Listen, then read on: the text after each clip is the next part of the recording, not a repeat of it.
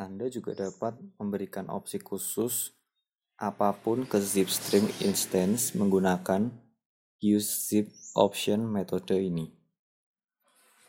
Semua opsi yang tersedia terdaftar di wiki zipstream PHP. Berikut adalah contoh bagaimana itu digunakan. Mendefinisikan koleksi media.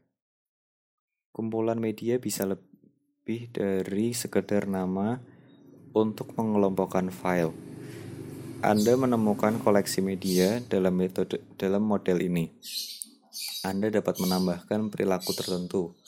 Tautan mendefinisikan koleksi media, GitHub repo, aplikasi model yang digunakan dalam video.